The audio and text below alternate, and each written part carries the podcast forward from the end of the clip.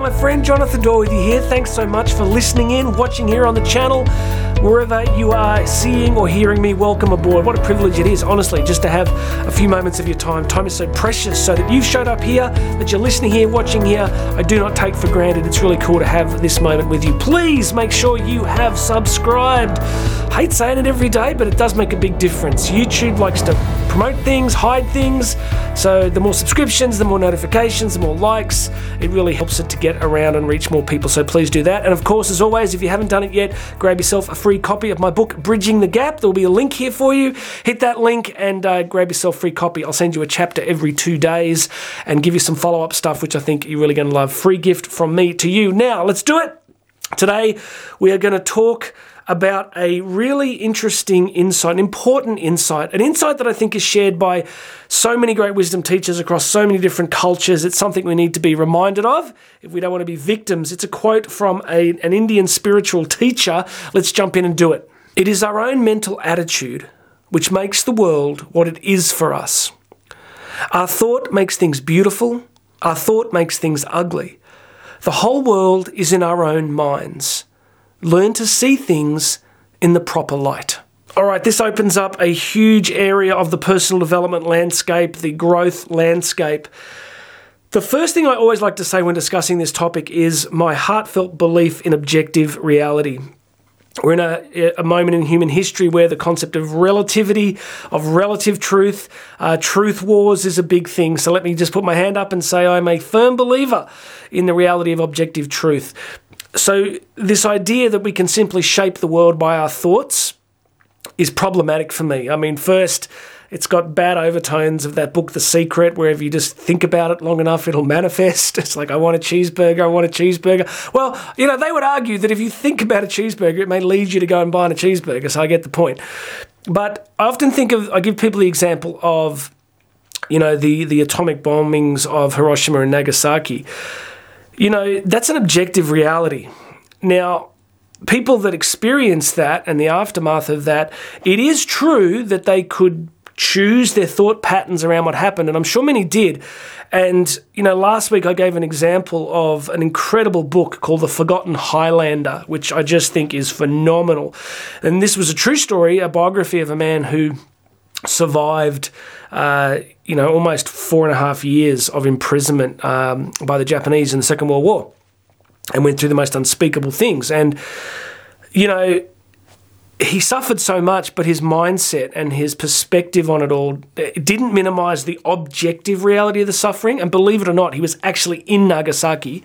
He was a Scottish soldier. He was in Nagasaki when the bomb detonated. So it's kind of all tying together here today.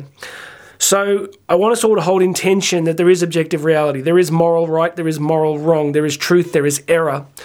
But what today's quote is reminding us of is that we can layer our response to it. We can condition our response to our lives, to the circumstances of our lives, by the mental attitudes that we bring to it. And as regular listeners know, I've been saying this for a long time. I came to this very late. You know, for many, many years, Mr. Motivation here struggled with keeping a strong mindset. Really did. I'm, I'm definitely still not perfect at it, but I am much better. I'm much better at recognizing my thought process, filtering it, and then beginning to choose different thoughts. It's a real revelation for me, and it's one that I want to keep telling people for as long as I live that really you can shape your experience of much of your life by literally how you think about it. I, I know many of us don't want to hear that because we want to. I don't think we want to be victims, but there's a certain comfort in blaming outside circumstances. There's a certain, you know, it's that learned helplessness concept, isn't it? It's the idea that, well, you know, I'm depressed because, or I'm struggling with anxiety because, or I can't, uh, uh, you know, go for this promotion because this person is, you know, there's politics being played. And there'll always be reasons that we can use to justify our unhappiness. And again, I'm not minimizing genuine mental health struggles. But I do think we're starting to live in a very victim based culture. That if we're not exactly where we want to be, it's because of X. And again, look, so much of what we talk about on this channel, there's, there's nuance, right? There's complexity. Because there is structural injustice. There is, you know, ways in which people don't get the same opportunities. But no matter where we are in life, I think we do have an invitation to consider carefully on an ongoing basis how we think about different things. So we do, I believe, shape our reality can, in a considerable way by the quality of our thinking. So all I want to do today is say to you, whatever difficult circumstances are in your life at the moment, then begin to pay attention to your thinking about it. Because the first step is to pay attention. You can't change thinking that you're not aware of. So as you begin to notice it, just capture it and go, ah, yes, um, that's negative. That's, you know, and sometimes what can be happening is it's a, there's a physiological component. You can be run down, tired, exhausted, whatever, and that makes it difficult to be super positive about things. So sometimes you just need rest or a good meal or a change of circumstance or a change of scenery.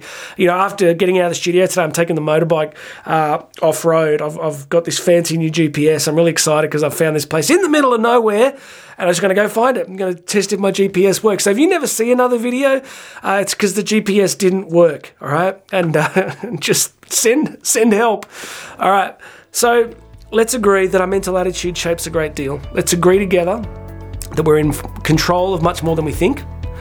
We are in control of what we think, and if we can begin to pay attention to how we're thinking and, and the, the meanings and the values that we're assigning to the realities of our lives, then some pretty profound change is possible. I'm going to stop there. Please make sure you're subscribed. Hit the subscribe buttons wherever you're listening. Grab a free copy of my book, Bridging the Gap. If you want to book me to come and speak, there should be a link here somewhere. And uh, yeah, you can. There's another link there for coaching. But I hope this is a blessing to you. My name's Jonathan Doyle. This has been the Daily Message, and we're going to have another one for you tomorrow.